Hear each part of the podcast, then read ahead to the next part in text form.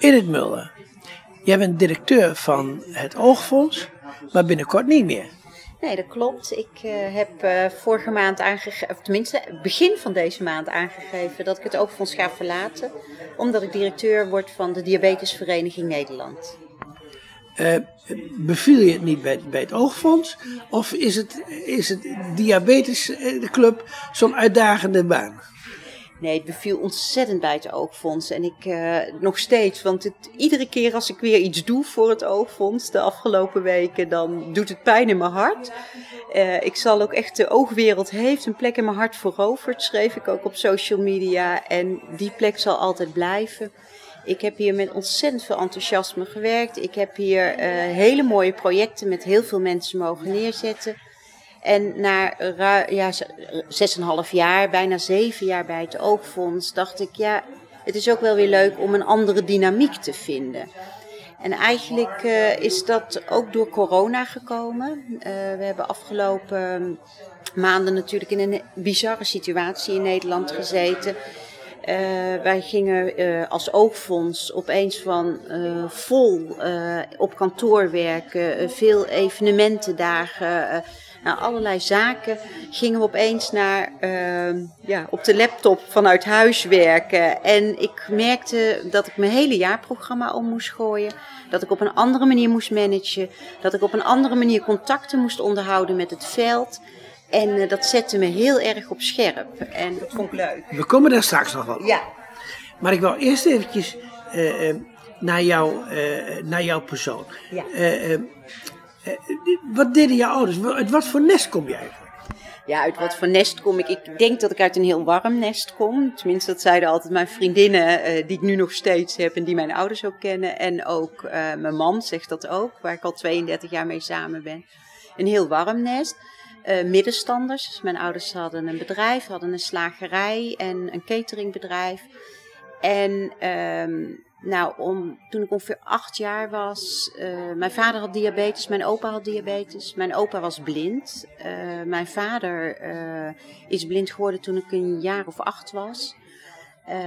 en daarna is hij geopereerd. Eerst, een van de eerste laserbehandelingen heeft hij gehad in Nederland. Waar, waaraan is hij blind geworden dan? Nou, hij had diabetes. En uh, nou, we weten allemaal dat als je 10 tot 20 jaar diabetes hebt, dat dat heel veel invloed heeft op je ogen. Ja? En uh, nou, hij had dus diabetische retinopathie als gevolg van zijn diabetes. Oké. Okay. En dat is eigenlijk. Ja, maar, maar dat je er helemaal blind van wordt, dat, heb, dat hoorde ik niet zoveel. Ja, uh, blind, want je krijgt natuurlijk heel veel vlekken en dergelijke. En toen was die lasertherapie, dat was nieuw in Nederland in de eind jaren 70, zeg ik uit mijn hoofd. Ik was heel jong, dus ik heb niet precies de kalender erbij. Uh, en tegenwoordig heb je natuurlijk dat heel goed je ogen in de gaten worden gehouden als je diabetes hebt. En dat is essentieel. Goh, maar, maar je hebt dus eigenlijk vanuit je familie heb je eigenlijk betrokkenheid bij de banen die je nu hebt en straks krijgt. Ja, eigenlijk, uh, ik zei het laatst ook, ik loop nog steeds aan de hand van mijn vader. Uh, daarbij moet ik zeggen dat ik ook voordat ik bij het Oogfonds werkte, werkte ik bij een ander goed doel. En daarvoor heb ik bij in een ziekenhuis gewerkt. En mijn man die zei altijd, oeh, in een ziekenhuis, die ziet achter iedere deur de dood. Maar ik heb hele goede herinneringen aan ziekenhuizen. Daar heeft, heeft mijn vader de behandeling gehad, waardoor hij weer zicht kreeg.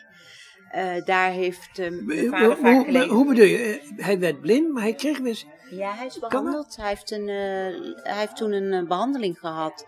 Dat zeg ik eind jaren zeventig. Ik, ik, ik ben helemaal niet precies, want ik was toen zeven, acht jaar, negen jaar. En heeft hij een behandeling gehad en daardoor kreeg hij weer zicht. Dus hij, uh, en dat was niet zoals vroeger toen die jongen fruitig was. Maar wel dat hij zich weer onafhankelijker door, het, uh, door de maatschappij kon bewegen. Ja. Maar jouw vader heeft dus, uh, heeft hij toen zijn beroep moeten opgeven? Of, of heeft hij toch, is hij door kunnen gaan?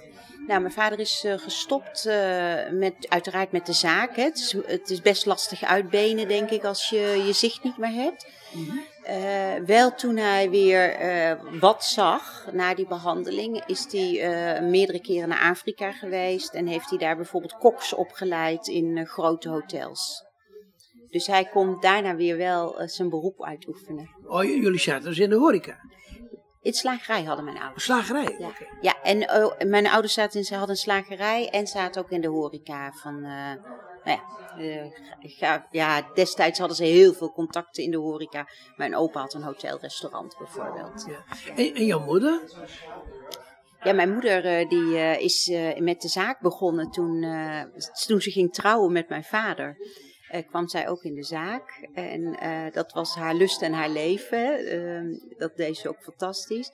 Eh, zoals het in die tijd ging. Mijn ouders zijn op een gegeven moment ook uit elkaar gegaan. En eh, ja, dat betekende ook dat mijn moeder stopte met de winkel. Mhm. En jij groeide op. Had jij behoorlijk wat vrijheid? Ja, kijk, ik heb eh, een vader die alleen maar op zoek was naar vrijheid. Wat voor beperkingen die fysiek ook kreeg. Want als gevolg van diabetes kreeg hij later weer andere fysieke beperkingen. Eh, ik heb een oudere zus en eh, wij zijn eh, in een dorp opgegroeid in de buurt van Nijmegen. En toen mijn ouders gingen scheiden, zijn we naar Den Bosch gegaan. En in de jaren zeventig, daar kon je overal op straat spelen. Ja, we hebben heel veel vrijheid gehad. Maar wel duidelijke regels. En heel hard werken. Ja, maar als kind moest je al hard werken? Nou, als kind hoefde ik niet zozeer hard te werken. Maar mijn ouders ehm, hadden natuurlijk een slagerij. En mijn vader die stond gewoon iedere ochtend om vijf uur, half zes op. Om naar het slachthuis te gaan of naar de veemarkt te gaan. Eh, mijn ouders eh, werkten in het weekend door. Eh, mijn ouders ja, waren heel erg betrokken bij hun werk. Ook heel erg betrokken bij ons als kinderen.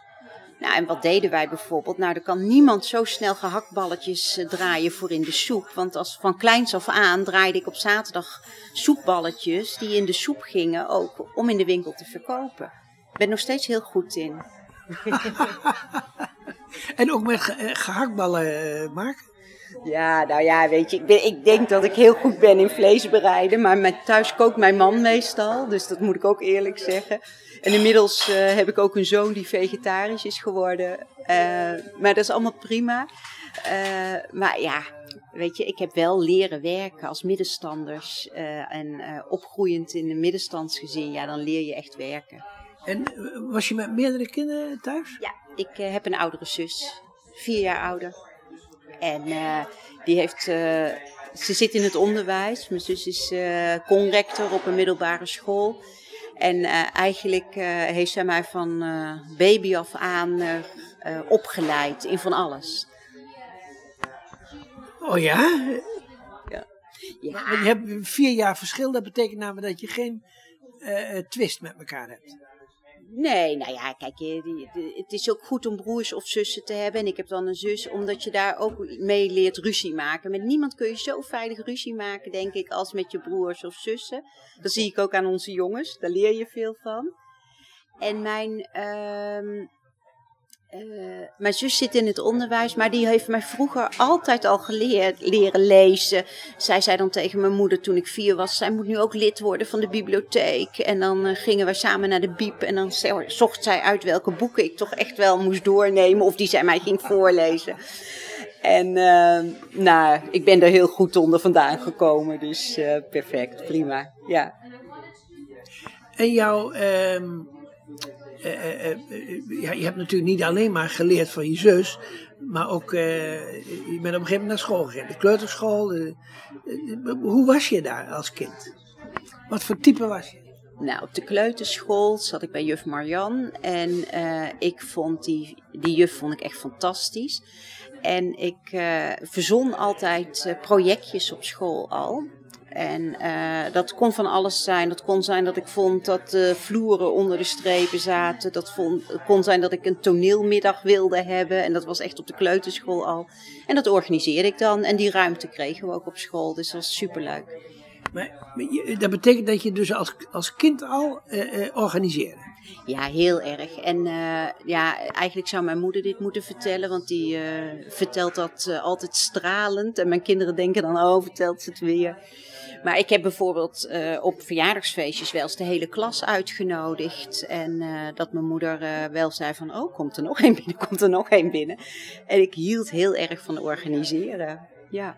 Maar ook van feesten dus. Ook voor feesten, ja. Maar dat, kijk, ik kom natuurlijk uit een, uit een dorp in Gelderland waar eh, enorm veel gefeest ook werd. En eh, ja, eh, fantastische plek om eh, het leven te vieren. Ja. Nou ja, we zijn al een behoorlijk stukje eh, afgedaald. Eh, we gaan zo meteen verder. ja, top.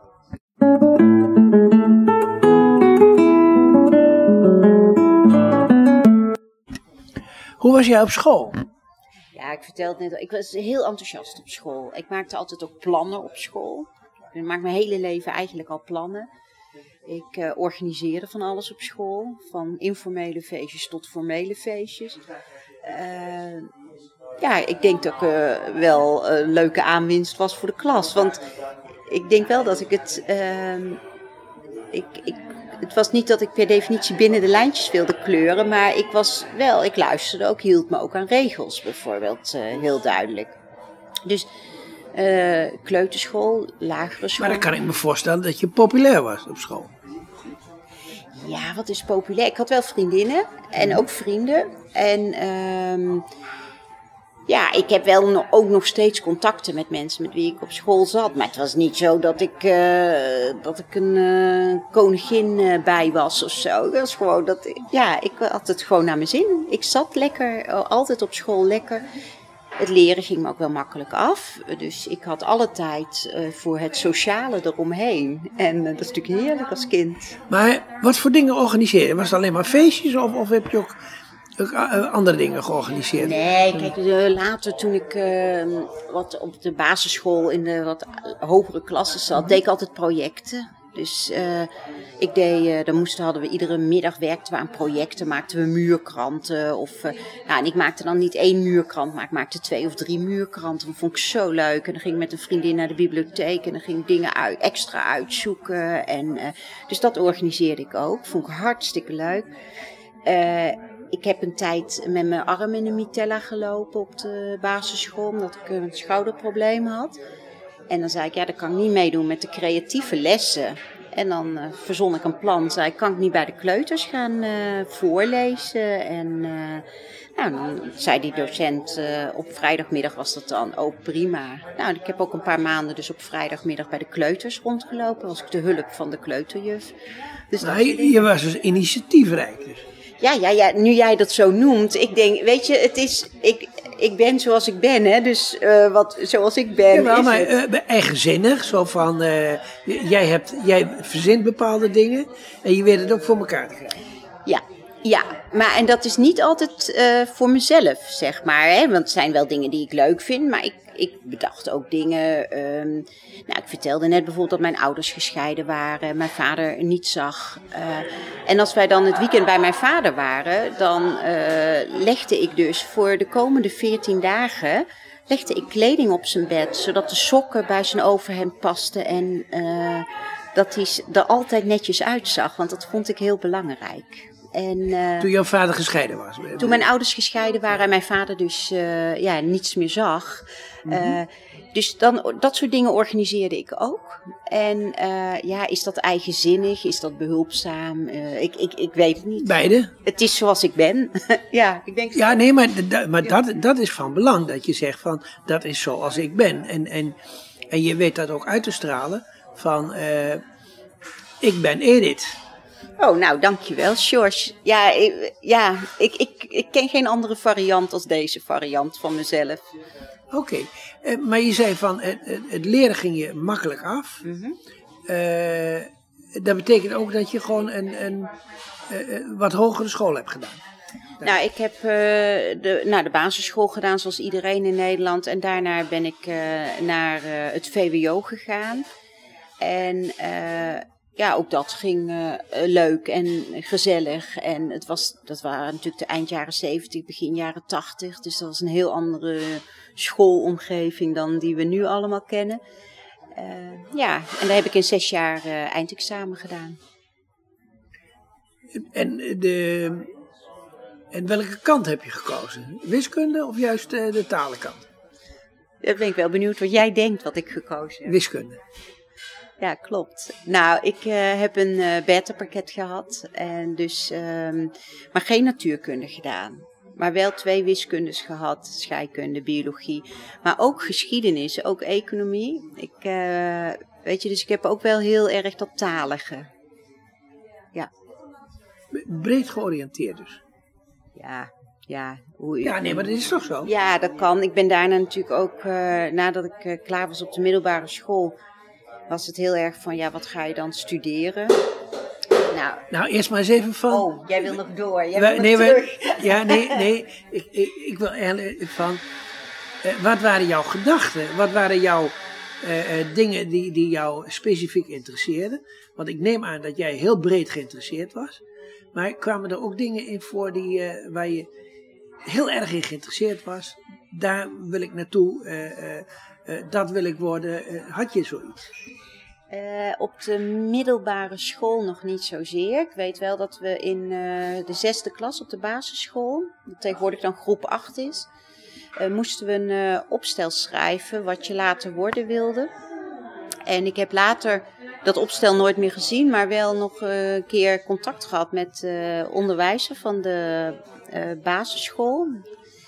lagere school was het toen. En die wist mij nog te vertellen wat ik had geschreven. En uh, daar zei, zei ik van ja, ik wil uh, ik, dat ik in een dienstverlenend beroep wilde werken. Maar dat ik ook heel goed wilde kunnen schrijven. En uh, omdat ik, als ik niet meer zou kunnen werken door fysieke beperkingen, ik wel nog andere dingen zou willen doen. En hij vond dat toen heel bijzonder voor een meisje ja, van 11, 12 ben ik toen geweest. Maar als ik er nu op terugkijk, denk ik, ja, dat is natuurlijk logisch. Als je nee, maar dat, dat, dat, is ook bijzonder. Ja, ik want want jij, jij, jij, zit namelijk dan uh, uh, op een manier te denken, wat ik niet van een elfjarige verwacht. Nee, maar een elfjarige die um, is opgegroeid uh, met een blinde opa, die is opgegroeid met de problematiek zoals ik net van mijn vader schets. Uh, ook mijn, mijn tante was slechtziend. Denk ik, ja, dan ga je als kind natuurlijk ook over andere dingen denken. En ga je ook anders denken over beperkingen en mogelijkheden. Edith, dat zal helpen, maar het is jouw karakter. Nou, dankjewel, George. Ja, ja, misschien voor mij nogmaals, ja, voor mij is het zoals het is. En, uh, nee, maar ja. dat is ook de reden waarom ik daar naar, naar vroeg. Van, je, je, hebt, je hebt al heel gedecideerd van nou, uh, wat je wilt. En kun je ook schetsen of daar van die gedachten die je toen in opstel had, is daar ook wat van uitgekomen? Ja, deels. Kijk, toen ik uh, op, klaar was bijna met de middelbare school en open dagen ging kijken op de universiteiten. Nou, dat ging anders dan nu. Als ik nu met mijn kinderen ben ik uh, dagen onderweg geweest, heel Nederland door. Ik heb geloof ik toen twee universiteiten gezien. En daar zei wel mijn vader tegen mij van, wat je gaat studeren maakt me niet uit. Uh, kies wat je wil, maar zorg er altijd voor dat je je eigen boterham kunt verdienen. Dat is een van de, nou, de one-liners die ik uh, altijd nog in mijn hoofd heb van mijn vader. Daar was hij ook middenstander voor, hè? Daar was hij middenstander voor. En daar was ook de situatie dat mijn ouders natuurlijk uit elkaar zijn gegaan. En mijn moeder altijd had gewerkt in de zaak van mijn vader. Uh, en daarna een carrière had die soort op een dood spoor zat. Hè? Maar dat was al best modern. Het, wat dat, die dat, dat, mijn vader. Dat, dat, dat, jouw vader dat tegen een dochter zegt. Ja, maar kijk, uh, mijn vader had twee dochters. En als hij twee zonen had gehad, had hij hetzelfde gezegd. Maar, ja, maar, maar dat, dat, dat is toch heel goed? Ja, daar ben ik ook. Ja, ja, maar mijn vader is ook een van mijn helden in mijn leven, hè, George. Dat, uh... Fantastisch. Leuk om zoiets te zeggen. Ja. Ja, nee, het is dan, dan is dit interview in feite iets van dat je zou willen opdragen aan je vader. Ja, nou, ik heb het eerste oogcongres bijvoorbeeld het verhaal van mijn vader verteld. En uh, ik ben me er ook wel heel erg van bewust dat ik, uh, nou ja, uh, het leven dat ik heb geleid, het leven dat ik heb uh, gehad met mijn ouders bijvoorbeeld. En wat ze mij hebben geleerd en welke waarden en normen ze mij bij hebben gebracht. Dat dat wel heel vormend is geweest ook voor latere keuzes in mijn leven. Ja. Ja, want ik denk wel dat door de opvoeding, maar ook door jouw karakter, uh, durf jij uh, buiten de paden te lopen. Nou, ook niet op ieder terrein hoor. nee, nou, ik durf, ik durf best buiten de lijnen te kleuren. En voorop te lopen. voorop te lopen. Ik durf ook echt wel ik durf initiatief te nemen. En eh, als ik een keuze heb gemaakt, kom ik daar ook rond vooruit. Ja. Oké, dan even naar de, naar de middelbare school. dan komt de keuze voor een studie. Want ik neem aan dat je gestudeerd hebt. Ja, ik heb gestudeerd. Ja. En hoe is die keuze gegaan? Heel eerlijk? Ja? was in Nijmegen gaan kijken. Mijn uh, vader woonde in Nijmegen. Dus ik heb in Nijmegen op de universiteit gekeken. En, uh, de Radboud. De Radboud Universiteit. En ja, als ik nu zie wat al die kinderen voor vragen stellen. Nou, ik liep daar ook een beetje rond en ik was blij als iemand wat vertelde en dan haakte ik aan. Uh, en ik ben in Utrecht gaan kijken. En toen kwam ik in Utrecht een studie tegen. En die hadden ze nergens. Die hadden ze alleen in Utrecht. En, en dat gaan we even verraden in het volgende stukje. Oké.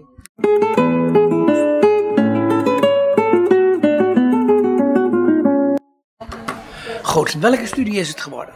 Ja, toen is het uh, Algemene Sociale Wetenschappen geworden en de organisatie en beleid van de gezondheidszorg geworden. Ik zal vertellen wat de belang, nou wat echt ook een wind in de rug gaf daarbij, was dat het de enige studie was die alleen in Utrecht kon studeren dan dacht ik, nou dan woon ik dicht genoeg bij mijn vader en mijn moeder. Maar ik hoef niet meer bij ze in huis te wonen. Want ik had toen wel heel veel behoefte om op mezelf te gaan wonen en een eigen plek te creëren. Ja, natuurlijk. Maar het is wel een. Uh, uh, die studie is. voor, voor mij komt dat een beetje vaag over. Nou, dat is het al helemaal niet zo vaag. Het uh, is alleen veel meer bedacht van uh, je hebt uh, problemen in de maatschappij en die kun je zeggen als psycholoog van oh dat zit bij de mensen, dus daar moeten we dingen in veranderen. En een socioloog kijkt veel meer vanuit maatschappelijk verband.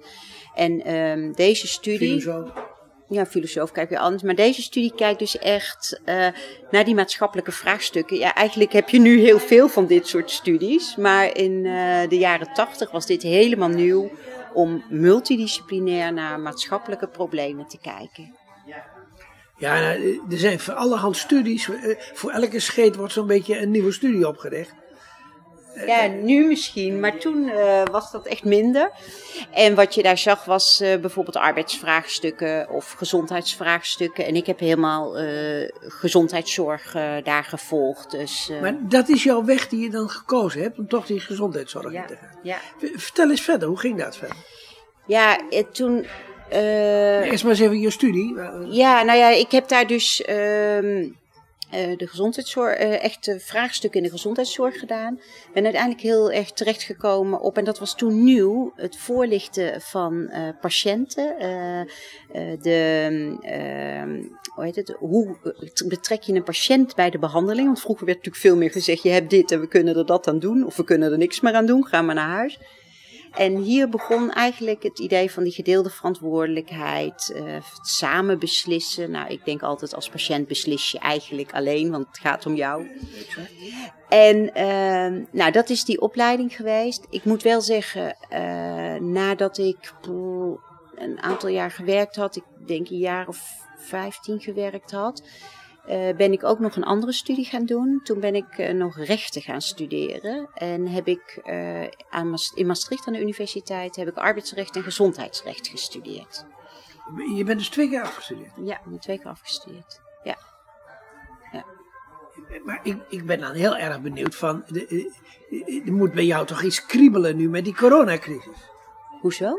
Nou, omdat je in die gezondheidszorg, de, voorlichting, hoe je daar met patiënten omgaat en dat soort dingen. Ja, maar kijk, ik, uh, ik zie wel dat ik in mijn hele carrière bijvoorbeeld uh, die rol van die patiënt, toen ik net ging werken, toen kwam ik in een ziekenhuis te werken, toen zei ik, we gaan patiëntenverenigingen uitnodigen. Nou, ik denk dat een paar artsen mij aankeken alsof ik water, of ze water zagen branden. Een revolutie? Ja, zei wat gaan we doen? Maar wij weten toch wat goed is voor die patiënt? Zei ik, ja, maar jij weet dat vanuit je medische optiek. En in die zin heb, ben ik altijd voorvechter geweest voor patiëntenparticipatie. Uh, de beslissing ligt bij de patiënt. En uh, nou ja, dat heb ik in al die jaren, eigenlijk heb ik die lijn gevolgd. Ja, eh, goed, jouw studie, die, die, die sociale studie heb je gedaan. Ben je daarna nog eerst gaan werken? Ja, ik ben gaan werken. Ik heb, eh, ben uh, toen, voordat ik afgestudeerd was, ben ik in een ziekenhuis terechtgekomen in Dordrecht. Het heet nu Albert Schweitzer ziekenhuis. Daar ben ik begonnen met patiëntenvoorlichting en de communicatieafdeling. Daar kreeg ik de klachten erbij, bijvoorbeeld de kwaliteitszorg erbij. daarna ben ik naar een ander ziekenhuis gegaan. Kon je toen die artsen wel omkrijgen? Ah ja, ja, tuurlijk. nou, weet je, nee, maar het, ja. En, nee, maar, nee, maar er was toch een generatie artsen die namelijk erboven stond en zei van, nou, zo moet het. Ja, dat is natuurlijk, dan scheren we mensen over één kam. Wat ik heel erg kijk altijd, nu nog steeds, is wie zit er voor me? Wat hebben we aan gemeenschappelijks? En uh, hoe past het ons allebei om daaraan te werken? Dat is denk ik een beetje de rode lijn. En natuurlijk had ik artsen die uh, aan het eind van hun carrière waar, zaten en uh, al honderd jaar aan de operatietafel hadden gestaan. En ik kwam daar als 23-jarige het ziekenhuis binnen. Maar door op die inhoud te zitten, door te laten zien van waarom ik graag iets wilde of iets voorstond, denk ik dat ik uh, ja, heel goed met de artsen overweg kon. Heel die inhoudelijkheid. En wat ik uh, merkte bij mijn tweede ziekenhuis, was het Ons Lieve Vrouw Gasthuis in Amsterdam. daar ging ik weg en toen zei daar een van, of nee, een directeur ging daar weg. En die zei, je hebt mij laten geloven in vakgebieden waar ik eerst niks mee had. Nou, en Weet je, dat is nog steeds een cadeautje en dat pak ik af en toe uit als ik uh, denk waar ik mee Dat is een vreselijk goed uh, compliment. Ja, de, ja dat, ben ik ook, dat is ook. De, de, de, goede man leeft al lang niet meer, maar het is wel een citaat wat ik koester. En wat, wat me soms ook een duwtje in de rug geeft als ik even twijfel over dingen. Maar dan heb je als 23-jarige toch dingen voor elkaar gekregen. Ja, nou, wat ik nu vertel was in het Ons Lieve Vrouw gasthuis. Dus toen was ik tien jaar verder. Maar uh, ja, ik heb op mijn 23 dingen voor elkaar gekregen. Ja, klachten, weet je, in het begin over hoe ga je om met patiëntenklachten. Nou, ga dat onderwerp maar eens bij uh, in de jaren 80 bij mensen uh, populair maken. Ja, weet je, daar hebben we toch wel heel veel in kunnen bereiken. En we, ik heb natuurlijk ook altijd wel de steun gehad van de mensen die in mij geloofden. Hè? Dat, ik bedoel, ik geloof ook nooit dat je iets in je eentje doet. Ik geloof dat je altijd dingen samen doet en bereikt. Ja. Maar jij had ook wel iets van, uh, uh, ik ga ervoor en ik red het. Ja, ik heb uh, ooit, toen ik studeerde, liep ik stage in een ziekenhuis. En toen zei ik s s'avonds ook wel tegen mijn vader van... joh, ik heb een arts, hè, die waren 50, 60... die heb ik advies, communicatieadvies gegeven. Ik ben zo benieuwd wat ze ervan vinden. En toen zei mijn vader, nou, dat vinden ze fantastisch. Dat vinden ze prachtig. Je opent ze ogen. En uh, je verkoopt je huid altijd goed. Dus uh, ja, nou...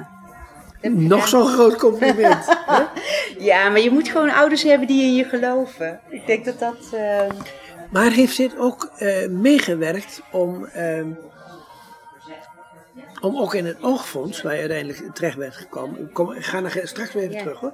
Nee, oog, perfect. Oogfonds, dat je daar uh, nieuwe dingen hebt ontwikkeld, zoals het oogcongres. Ja, ik denk wel dat ik heel erg bij het oogfonds heb gekeken van uh, wat kunnen we doen? Uh, wat is ook, waar hebben mensen behoefte aan? Ik, want ik geloof niet dat als ik achter een tafel iets ga zitten verzinnen dat het werkt. Uh, dus we hebben heel veel, ik heb heel veel gesprekken gevoerd met patiënten, met patiëntenverenigingen, met nou, heel wetenschappers. En um, nou, dan kom je tot nieuwe uh, ideeën. En een, een, een, idee wat we samen met vooral de oogverenigingen, maar ook met, met de oogvereniging, maar ook met de andere verenigingen hebben opgezet, is het oogcongres. En dat is natuurlijk, ja, dat is een van mijn paradepaardjes. Daar ben ik heel blij mee. Nee, daar mag je best heel trots op zijn. Want ik heb, maar dat wil ik ook even voorleggen. Van, van nou, eh, zeg maar de laatste, misschien 7, 8, misschien 10 jaar, is er toch langzamerhand een ontwikkeling van, uh, nou, hoe moet je dat zeggen, misschien professionalisering, maar, maar wel om uh, uh, de cliënten serieus te nemen, ervoor te staan.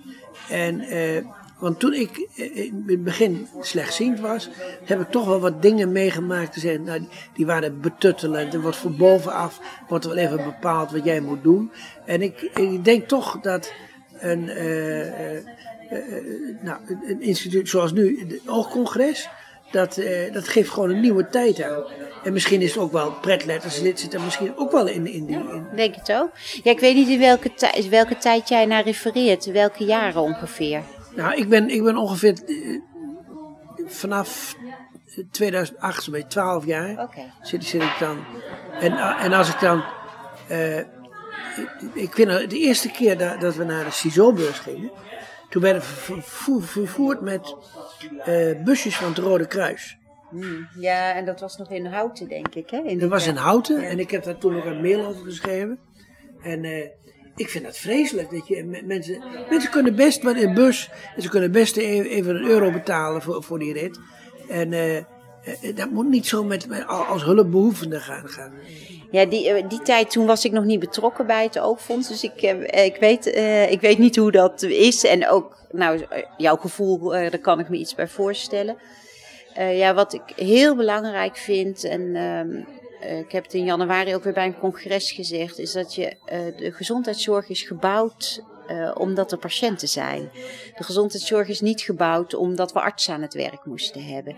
Dus ik wil ook heel graag die positie van die patiënten, de keuze die patiënten zelf maken.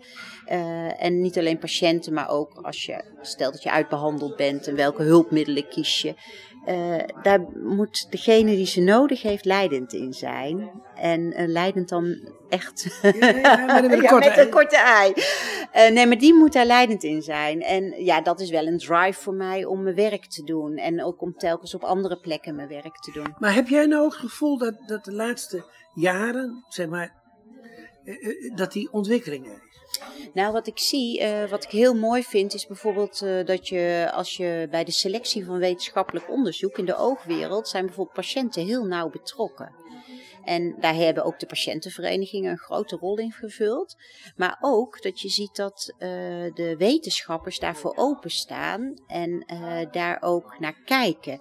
En in die zin zie je dat twee werelden veel dichter bij elkaar gekomen zijn.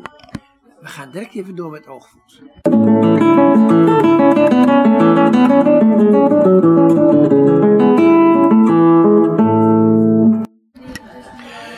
De patiënt beslist uiteindelijk. En hoe wordt dat, hoe werkt dat door in het oogfonds? De patiënt beslist uiteindelijk omdat jij gaat als patiënt of uh, als mens met een visuele beperking, ga je voor je eigen leven. Dat vind ik echt essentieel. Je staat zelf aan het stuur. En wij hebben uh, bij het Oogfonds de afgelopen jaren uh, echt gekeken van dat er ook uh, rollen weggelegd zijn voor mensen met een visuele beperking en voor patiënten. Ja, want het zit natuurlijk overlap deels in, maar deels ook niet. dat betekent dat bij wetenschappelijk onderzoek we heel erg goed kijken wat bijvoorbeeld patiënten vinden van het onderzoek dat voorligt, hoe relevant ze het vinden. Daar kijken we naar. We hebben uh, toegankelijkheid van musea heel erg aan de kaak gesteld. Dat hebben we ook altijd gedaan met mensen om wie het gaat. Voor wie die musea, die collectie op een andere manier toegankelijk gemaakt moest worden. Uh, we bedenken ook nooit zelf onderwerpen voor het oogcongres, maar dat doen we samen met de mensen voor wie we het oogcongres organiseren.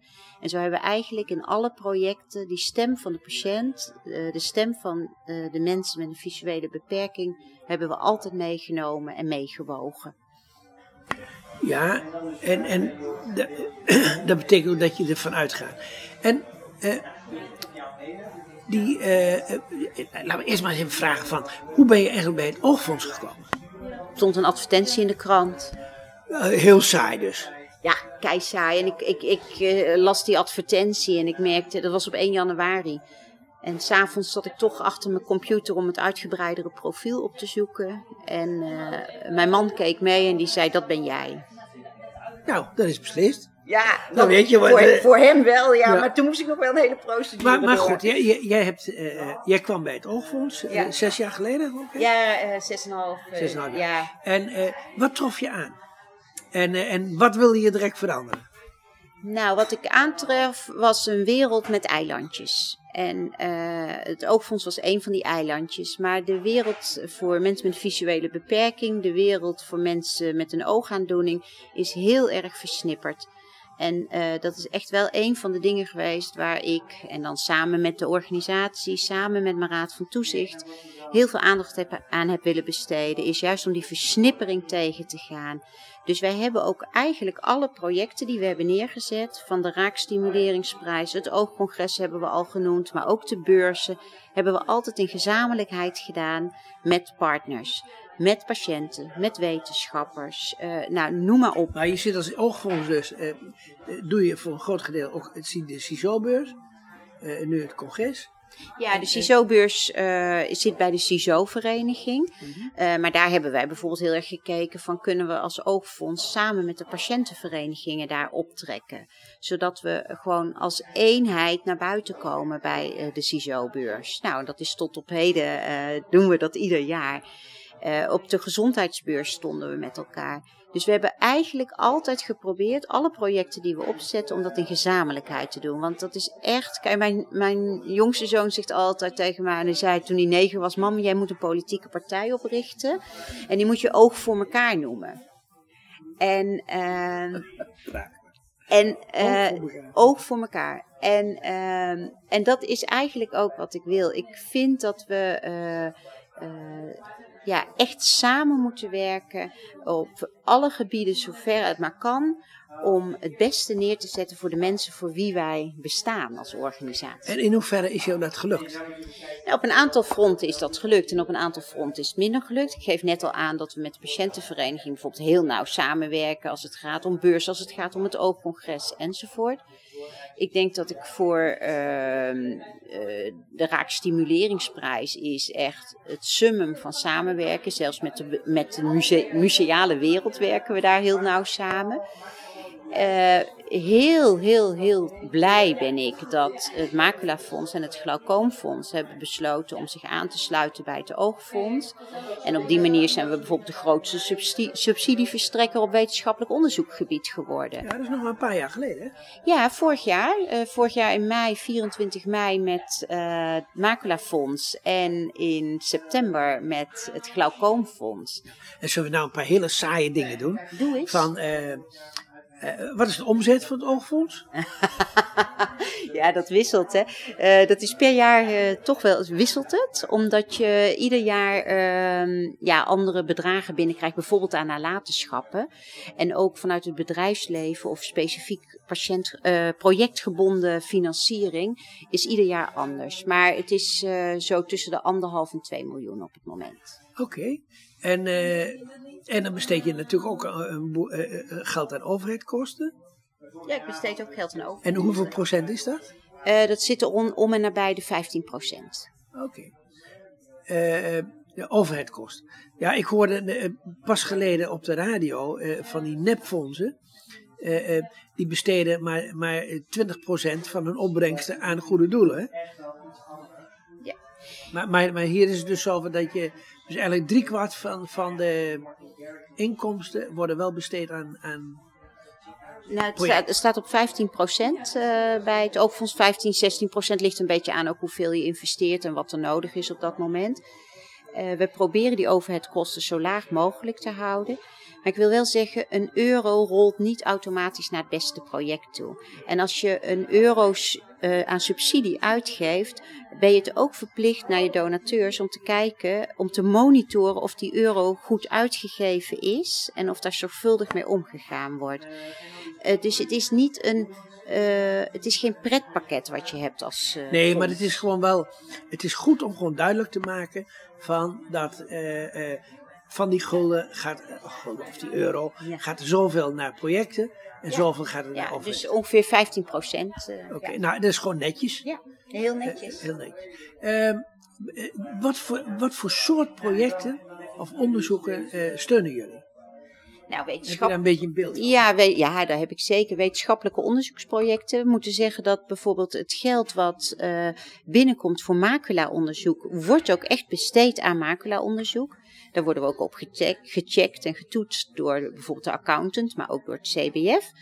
Uh, geld... Met een labeltje. Wat zei je? Er zit een labeltje. Ja, als het geld geoormerkt binnenkomt, moet het ook geoormerkt uitgegeven worden. Dus glaucoomonderzoek, macula-onderzoek.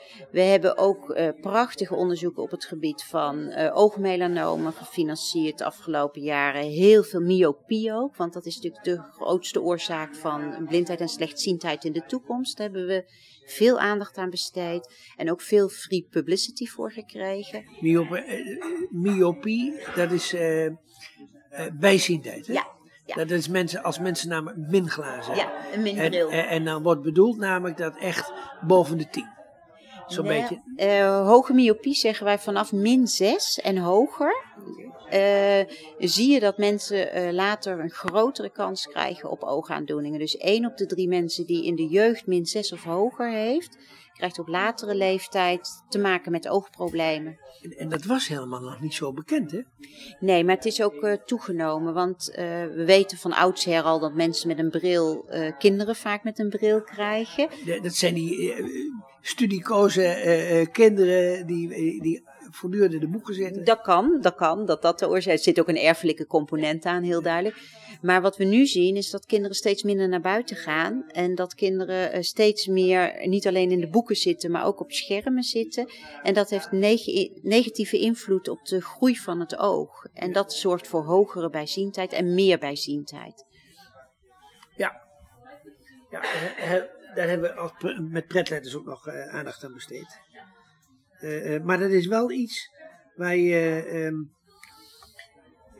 eh, wat steeds meer opkomt en waar, waar je toch iets. maar wat voor onderzoek doe je? Of financieren jullie op het ogenblik daarin? Ja, we hebben dit jaar aan an- 18 onderzoeken financiering gaan we toekennen. De brieven gaan morgen de deur uit. Ehm, maar bijvoorbeeld eh, in Rotterdam worden eh, jongeren al jarenlang gevolgd en wordt gekeken hoe eh, bijvoorbeeld de ogen achteruit gaan, hoe, meer, bij hoe meer me- bij hoeveel kinderen myopie voorkomt en of daar groei in zit. Maar dat is een voorbeeld. Maar het is, we hebben ook genetisch onderzoek. we hebben ook onderzoek naar nieuwe meetmethode om te kijken hoe het oog is aangedaan. Ja, er zijn zoveel onderzoeken. Eh, we hebben er op het moment, ehm, nou, ik denk iets van 80 lopen. Ja. Heel erg interessant.